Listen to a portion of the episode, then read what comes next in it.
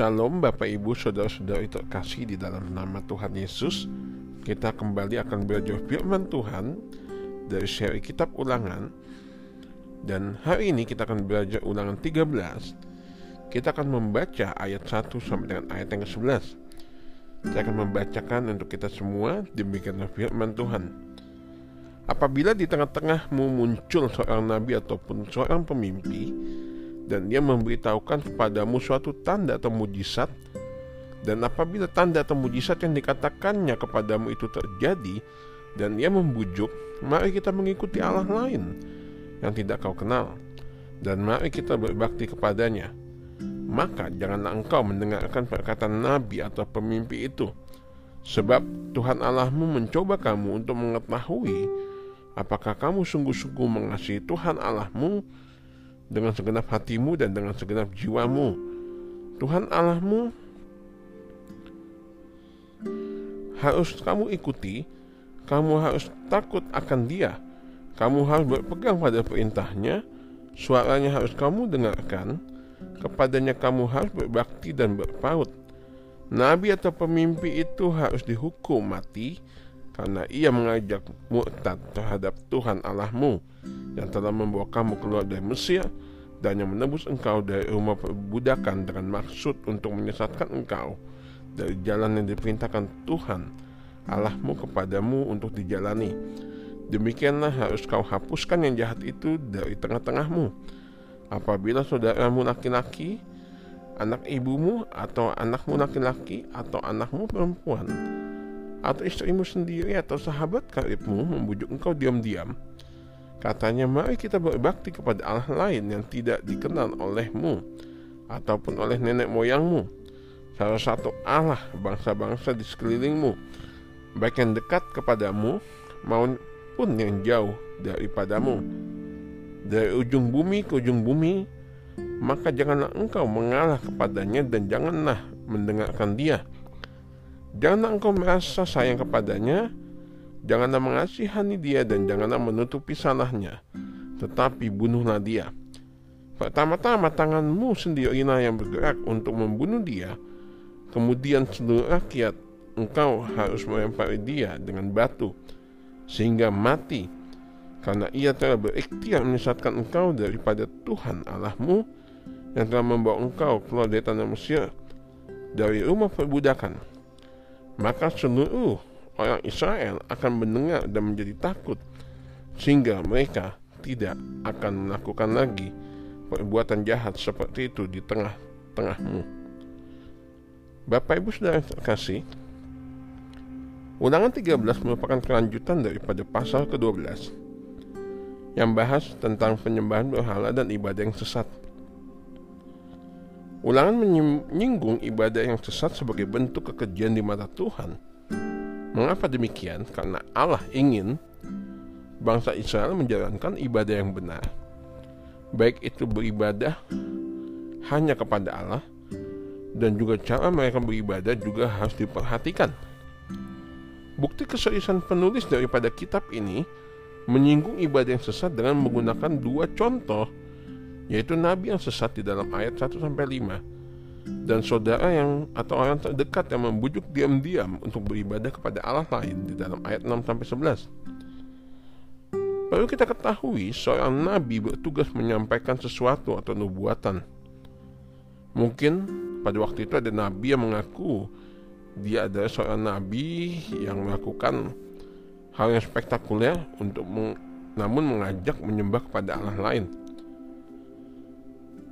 Ketika kita melihat ada seseorang melakukan hal yang hebat, seperti melakukan mujizat kesembuhan, melakukan hal-hal yang spektakuler di luar nalar manusia, apalagi mungkin kita tahu bahwa ia adalah hamba Tuhan. Mungkin secara tidak langsung pikiran kita berpikir bahwa orang tersebut adalah orang diurapi Tuhan. Dan umumnya kita dengan mudah terpengaruh dan ikut ajakan atau arahannya. Pada berikutnya, penulis daripada kitab ulangan menuliskan bahwa orang tak dekat sebagai saudara seperti saudara kandung, anak atau orang tua bahkan saudara karib atau sahabat yang mengajak ibadah kepada Allah lain. Pertanyaan mengapa penulis menuliskan orang-orang terdekat. Biasanya kita akan mudah menerima ajakan dari orang-orang terdekat. Mungkin kita memiliki rasa sungkan, rasa tidak enak, atau sebagai bentuk menghargai orang yang kita kasih atau sebagainya. Namun itulah penulis menggunakan orang terdekat untuk yang mengajak ibadah kepada Allah lain sebagai hal yang jahat di mata Tuhan. Dengan adanya tulisan ini, bangsa Israel sebetulnya didorong untuk tegas dan tidak terpengaruh dengan penyesat yang ada. Bila penyesat ada itu hanya seseorang, maka harus dihukum mati dengan dirajam batu. Namun, bila yang ada satu kota terkontaminasi dengan penyesatan, maka yang dilakukan adalah bunuh dan tumpasnya satu kota tersebut dengan segala jarahannya. Kita bisa melihat di dalam ayat 2 sampai ke 5, ayat 6, ayat 8, 10 sampai dengan 13 juga dan sampai dengan 17. Namun hal yang menarik pada bagian ini adalah Allah mengizinkan penyesat itu ada. Padahal Tuhan tahu penyesat tersebut dapat membahayakan kehidupan bangsa Israel. Saya sedang menanam, tomat di depan rumah. Pohon tomat saya terus bertumbuh karena saya siram pagi dan sore dan dikasih pupuk secara rutin sekitar seminggu sekali. Ketika pohon tomat saya tumbuh di saat yang sama saya melihat bersamaan tumbuh jamur.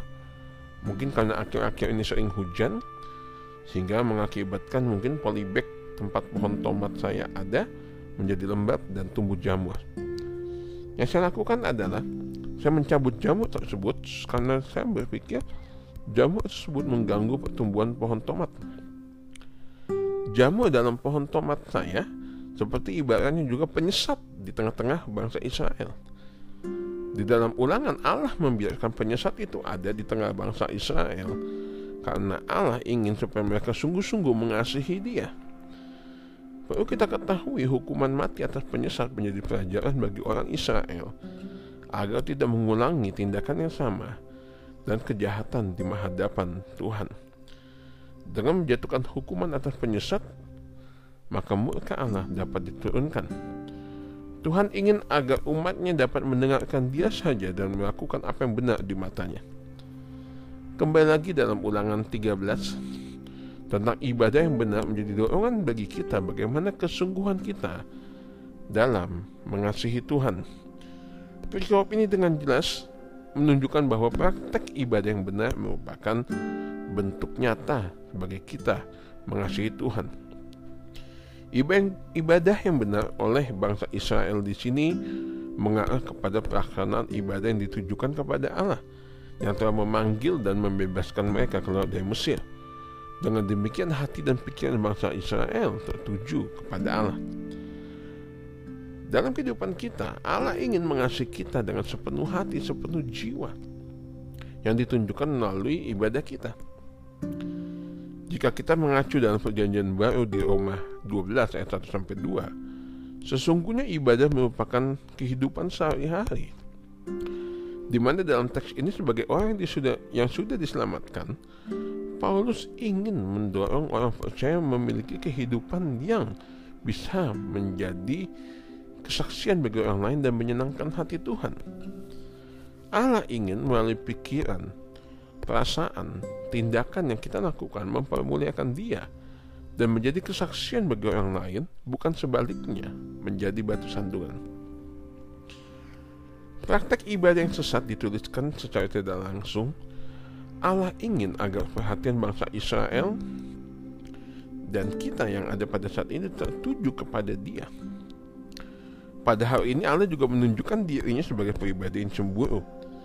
Saya sudah menjelaskan tentang Allah yang cemburu di dalam renungan di bilangan 33. Allah ingin ada komunikasi kasih dua arah di mana Allah sudah mengasihi kita dan kita pun kembali mengasihi Dia dengan menjalankan kehidupan yang menyenangkan hatinya.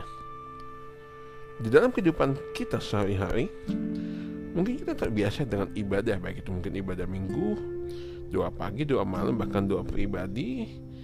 Tetapi firman Tuhan mengingatkan kita, sekalipun kita sudah giat berdoa, Kristus harus menjadi pusat dari ibadah kita dan bukan yang lain. Contoh motivasi ibadah yang keliru adalah kita rajin ibadah supaya diberkati. Kita beribadah supaya pergumulan kita dijawab Tuhan. Bahkan yang paling mengerikan jika kita beribadah supaya dilihat gembala atau staf gereja sebagai jemaat yang rajin. Ulangan 13 menunjukkan jika kita keliru dalam menjalankan ibadah dalam artian di sini bukan kepada Allah tetapi kepada yang lain, maka hal tersebut menjadi kekejian di mata Tuhan. Oleh karena itu jangan sampai kita beribadah namun menjadi sia-sia hanya karena motivasinya salah. Jangan sampai kita beribadah selama ini tetapi tujuan kita keliru.